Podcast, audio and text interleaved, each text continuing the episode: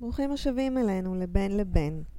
אני רוצה לדבר על אה, גירושים וילדים, אבל מזווית קצת אחרת, הרי דיברנו על זה די הרבה פעמים.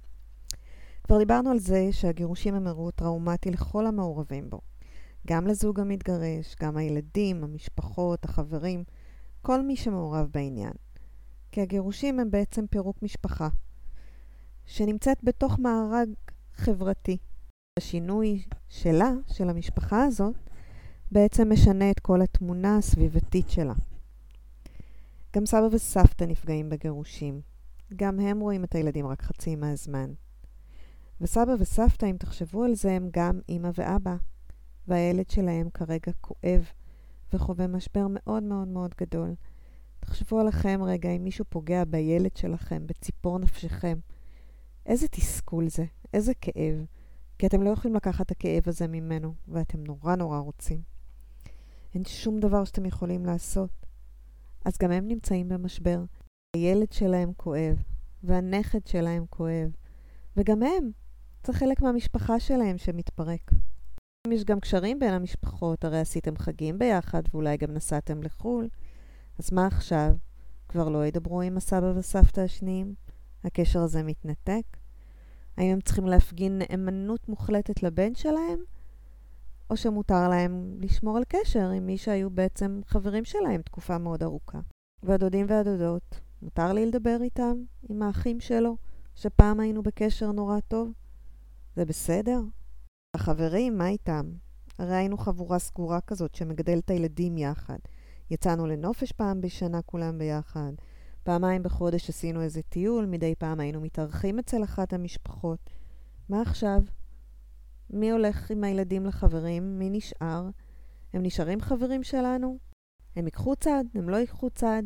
יישארו לי חברים אחרי המשבר הזה? ובתוך זה נמצאים הילדים, והם בדיוק באמצע. הם בין אבא לאימא, בין סבא לסבתא, בין דודים לדודות, בין החברים. הם ממש באמצע. הצדדים אוהבים אותם. כל הצדדים רוצים שהם יישארו איתם בקשר, והם באמת לא יודעים מה הולך לקרות. ואלה אותם הילדים שביום שהם נולדו גילינו פעם ראשונה מה זה לפחד באמת. אלה אותם הילדים שברגע שהם נולדו התחייבנו לשמור ולהגן עליהם, ואנחנו יודעים ומרגישים אחראים על כך ששינינו את החיים שלהם. הרי הם לא עשו דבר והם לא ביקשו להיות בתוך זה. אנחנו כופים עליהם את השינוי. הם ציפור נפשנו. אנחנו אוהבים אותם יותר מאשר את עצמנו. אז איך זה שדווקא ברגעים האלה, כשהעולם שלהם מתרסק, אנחנו לא פנויים לראות אותם? הזמן הזה שהמציאות שלהם מתערערת, כשיש הרבה חוסר ודאות, ואין שום דבר שהם יכולים לעשות כדי להחזיר שליטה על החיים שלהם, כי אנחנו קובעים להם את הכל, דווקא אז אנחנו לא שם בשבילם. כי אנחנו בתוך המשבר של עצמנו, אנחנו מרוסקים. החיים שלנו מיטלטלים, הכל משתנה, מערבולת רגשית ויש לנו חרדות קיומיות. איך נתקיים עכשיו? כי הרי כלכלית, שתי משכורות החזיקו עד עכשיו בית אחד. עכשיו הן צריכות להחזיק שני בתים, ואנחנו יודעים שפה בישראל לא קל לחיות. מה יהיה איתנו חברתית? אנחנו נמצא עוד פעם מישהו? אנחנו נוכל להקים משפחה? את החלום שהיה לנו אנחנו נוכל להגשים? ומה עם החברים שלנו? הם יישארו חברים שלנו? נצטרך למצוא חברים חדשים? ואיך בגילנו מוצאים חברים חדשים? הרי הכרנו את החברים שלנו בצבא, בעבודה, בכל החיים שכבר יש לנו. משנה מי החליט לפרק את הבית ולהתגרש. אם אני זה שיזמתי את הגירושים, אז כנראה שאני ארגיש אשמה, בול ופחד, הרי גם החיים שלי משתנים. ואם אני זו שהחליטו עבורה, אז אני שבורה ומרוסקת. אין לי שליטה על החיים שלי כי דברים נכפו עליי, אני נעלבת, אני עצובה, אני מנסה להבין מה קורה איתי. גם לנו מחכה תקופה של חוסר ודאות. אנחנו לא יודעים מה יהיה איתנו, אז איך נדע מה יהיה עם הילדים? אנחנו לא יודעים איך נסתדר כלכלית, אם נצליח להישאר במקום העבודה שלנו, חברתית, נפשית. וכמובן שהלחץ והחרדה מביאים איתם בעיות רפואיות ובעיות נפשיות. אנחנו במערבולת, ואנחנו כל כך מוצפים, ולא תמיד יש לנו את הכוחות לשבת איתם ולדבר איתם, עם הילדים שלנו. אנחנו לא תמיד נוכל להכיל אותם. תחשבו שאתם בעימות משפטי. אז הוצאות המשפט וכל האנרגיה שמושקעת לשם, כל הדברים שקורים בכתבי תביעה והגנה, כל העניין הזה שבו אנחנו נלחמים על החיים שלנו. וגם אם זה בגישור, גם אז יש בעיות, גם אז המוח שלנו מאוד עסוק בלהגיע לפתרונות. כל הטלטלה הזאת בעצם גורמים לזה שאין לנו, אין לנו שום פניות לילדים שלנו, להכיל את הכאבים שלהם, את הבלבול, לענות על שאלות, לחייך אליהם בבוקר ולתת להם איזושהי תחושה של יציבות שהם צריכים כל כך. מה עושים כשמגיעים למצב כזה? אני חושבת שיש לנו כמה אפשרויות. הילדים שלנו צריכים לדבר, להוציא את כל מה שיש להם בבטן, הם צריכים לדבר על הפחדים שלהם, כי כשהם מדברים על הפחדים ואפשר להסביר להם בדיוק מה הולך לקרות, זה כבר פחות מפחיד ופחות משתק. צריכים להתמודד עם שאלות כמו אה, למי אני אגלה, האם יצחקו עליי בכיתה? כלומר, הם עדיין חושבים על המעמד החברתי שלהם, כי עבורם זה ממש הישרדותי. הם לא יודעים אם הם ימשיכו לראות את סבא וסבתא כמו פעם, הם לא יודעים אם הדודים והדודות עדיין יהיו איתם בקשר, עם החברים שלהם מבית ספר, עם החברים של ההורים, האם הם יראו אותם, הם לא יראו אותם, הם לא יודעים איך החיים שלהם ייראו. מה שיכולנו לתת, נתנו להם. זאת אומרת, כל מה שיכולנו להגיד להם בוודאות שאנחנו יודעים שיקרה, למשל, איפה יהיה הבית השני שלהם, מה הם זמני השהות שיהיו בין ההורים, מתי הם יראו את אמא, מתי הם יראו את האבא. דברים הרגילים שאנחנו יכולנו לחשוב עליהם, את זה נתנו להם. אבל תמיד תמיד התגלו עוד דברים, כמו מי ייקח אותי לחוג, או אם אני אצא לטיול שנתי, או האם אני אצא לטיול שנתי. יש כל מיני דברים ממש יומיומיים וקטנים. אפילו האם אבא יכין לי את אותם סנדוויצ'ים שאימא מכינה לי לבית ספר. פרטים הכי הכי קטנים שהם עדיין בחוסר ודאות לגביהם, והם צריכים לדבר על זה. קודם כל, כי זה באמת יוריד את רמת החרדה, ודבר שני, כי הם בני אדם, וכמו כל בן אדם, גם הם צריכים לאוורר את הדברים, כדי שהם יוכלו לעכל אותם יותר טוב. בשלב הזה שאנחנו לא פנויים להכיל אותם רגשית, אני מציעה לכם, תמצאו להם מבוגר. כלומר, תמצאו מישהו שטוב להם, והוא יכול לדבר איתם ולהכיל אותם, איזשהו צד בעניין, ותבקשו ממנו שיהיה זמין עבורם. זה יכול להיות סבא או סבתא שהם קרובים אליהם במיוחד, דודה, חברה של אחד ההורים, חבר של אחד ההורים. כל מי שאתם יכולים לחשוב עליו. זה יכול להיות יועצת בית הספר, המורה בבית הספר, זה מאוד תלוי בגיל שלהם. אבל כדאי מאוד שיהיה להם מישהו שהם יוכלו לדבר איתו, חבר. אפשר כמובן לשלוח לפסיכולוג, לאיש מקצוע, אבל לא תמיד צריך. לפעמים אפשר פשוט לשלוח אותם לחוג. לשלוח אותם ללמוד משהו שהם אוהבים, ושהמדריך שלהם יהיה מישהו שהוא סמכותי, ואולי אליו הם יוכלו אה, להיפתח. הם יכולים ללכת לאיזשהו חוג ציור ופשוט לדבר עם המדריך או המדריכה לחוג סיירות, קפוארה, לא משנה. העיקר שהם יוכלו לדבר עם מישהו מבוגר שידע להכיל אותם ואת הקשיים שלהם. זה לא המצב האידיאלי, אבל היי, אנחנו לא נמצאים במצב האידיאלי. זה רק רעיון למשהו שיכול מאוד לעזור להם. דבר שני שאפשר לעשות, זה לקחת אותם לזמן הורי ילד. זמן הורי ילד זה משהו שאנחנו מדברים עליו הרבה בהדרכה הורית, שעוזר מאוד לילדים אה, לקבל את תחושת השייכות שלהם. להרגיש שרואים אותם, להרגיש אהובים. ומה זה אומר? זה אומר שפעם בשבוע, בשעה קבועה וביום קבוע רצוי, אתם קובעים עם הילד שלכם פגישה, כל פעם עם ילד אחר. והפגישה הזאת זה פגישת אחד על אחד, רק אתם והילד שלכם.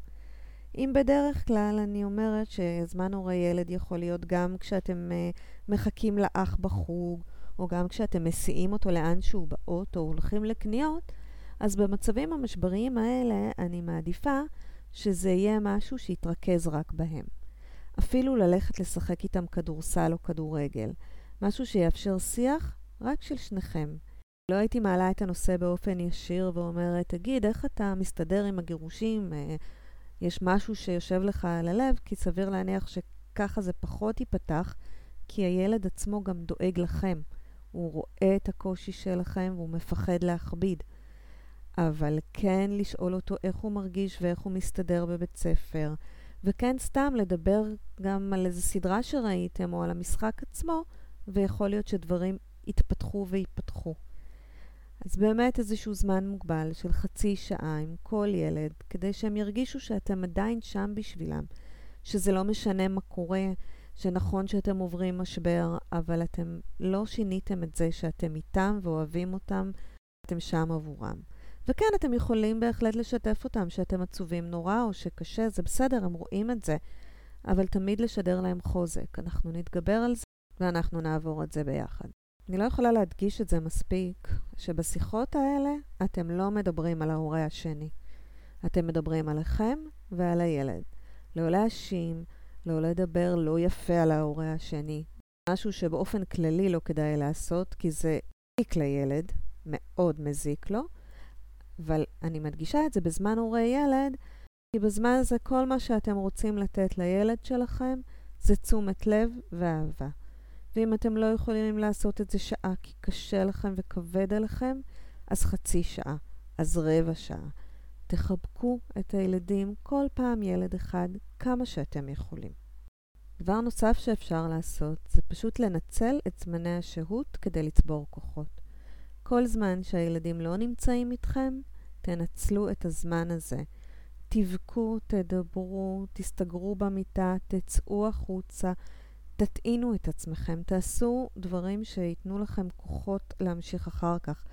אחר כך כשהילדים מגיעים הביתה ויש את הכאב שלהם ואת הכאב שלכם, ויש את הדברים שצריך לעשות יום-יום, לא יהיה לכם זמן להיטען. כרגע זה זמן ששוחק אתכם. אז קחו לכם את הזמן שלכם, שבו מול הים, צאו לטבע, תטענו באנרגיות שתוכלו אחר כך להשתמש בהם כדי לחבק את הילדים שלכם. דבר נוסף שאפשר לעשות זה לבקש עזרה. לא לעבור את זה לבד. זה באמת אירוע נורא משברי. אתם באמת לא יכולים להיות פנויים למה הילדים צריכים בזמן שאתם מתמוטטים. ללכת להדרכה הורית בזמן גירושים, שגם תסביר לכם איך להתמודד יותר טוב בשביל הילדים, וגם תסביר לכם איך להתמודד uh, בעצמכם. כי הדרכה הורית בשלב הזה כוללת גם ליווי. ליווי שלכם ליציאה מהמשבר. זה חלק מהעניין. כדי שתוכלו להיות הורים קשובים וטובים יותר לילדים שלכם, אתם צריכים להיות חזקים בעצמכם. אז בעצם הדרכה הורית בזמן גירושים כוללת גם איזשהו ליווי ליציאה מהמשבר שאתם חווים. אני לא אחדש לכם שום דבר כשאני אגיד לכם שילדים שונים חווים את הגירושים בצורה שונה. כל ילד צריך מענה משלו. יש אמנם אה, תגובות צפויות ונפוצות יותר, כמו כעס, כמו חרדות, הסתגרות. יש דברים שהם מאוד הגיוניים שיקרו לילד שנמצא במצב משברי, אבל כל ילד הוא אחר, ולכל ילד יש את הצרכים שלו. וזה כמובן, כמובן משתנה עם הגיל של הילד. בכל גיל הם צריכים משהו אחר. אז גם בקבוצות וסדנאות, וגם בפרטני, פגישות אישיות, אל תעברו את זה לבד, פשוט שבו ודברו עם מישהו. זה יקל על החיים שלכם וזה ייתן המון המון המון ערך, גם לחיים שלכם וגם להורות שלכם. כי האמת היא שההורות שלכם עכשיו תשתנה לגמרי. זה לא ההורות שהייתה פעם. אם פעם הייתה, היו זוג הורים, אימא ואבא, ולכל אחד היה את התפקיד שלו, נגיד השוטר הטוב והשוטר הרע, עכשיו אתם הורה אחד שצריך לבנות סמכות מלאה מול הילדים. ויש המון דילמות.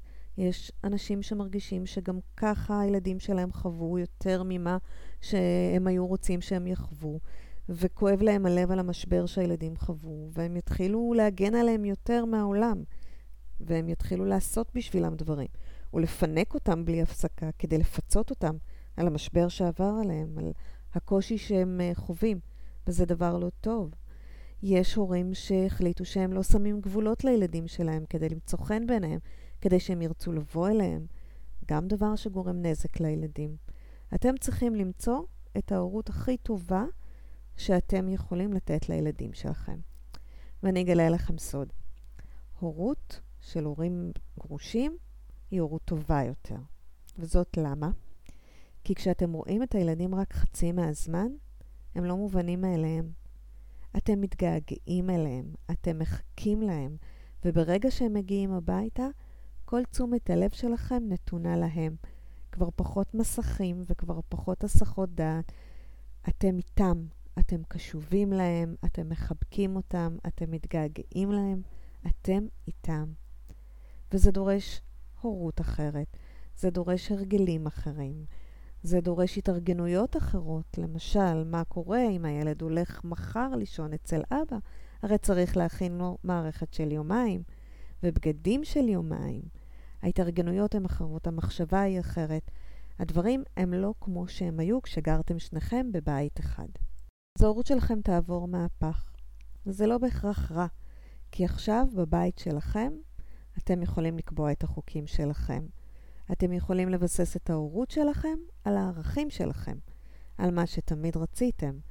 גם אם לא הסכמתם עם בן הזוג לגבי צורת החינוך, או לגבי כללים בבית, נגיד שאצלכם בבית אוכלים רק ליד שולחן האוכל, והגרוש שלכם דווקא אין לו שום בעיה שיאכלו בסלון או בחדרים, או כל כלל אחר, מתקלחים בבוקר, מתקלחים בערב.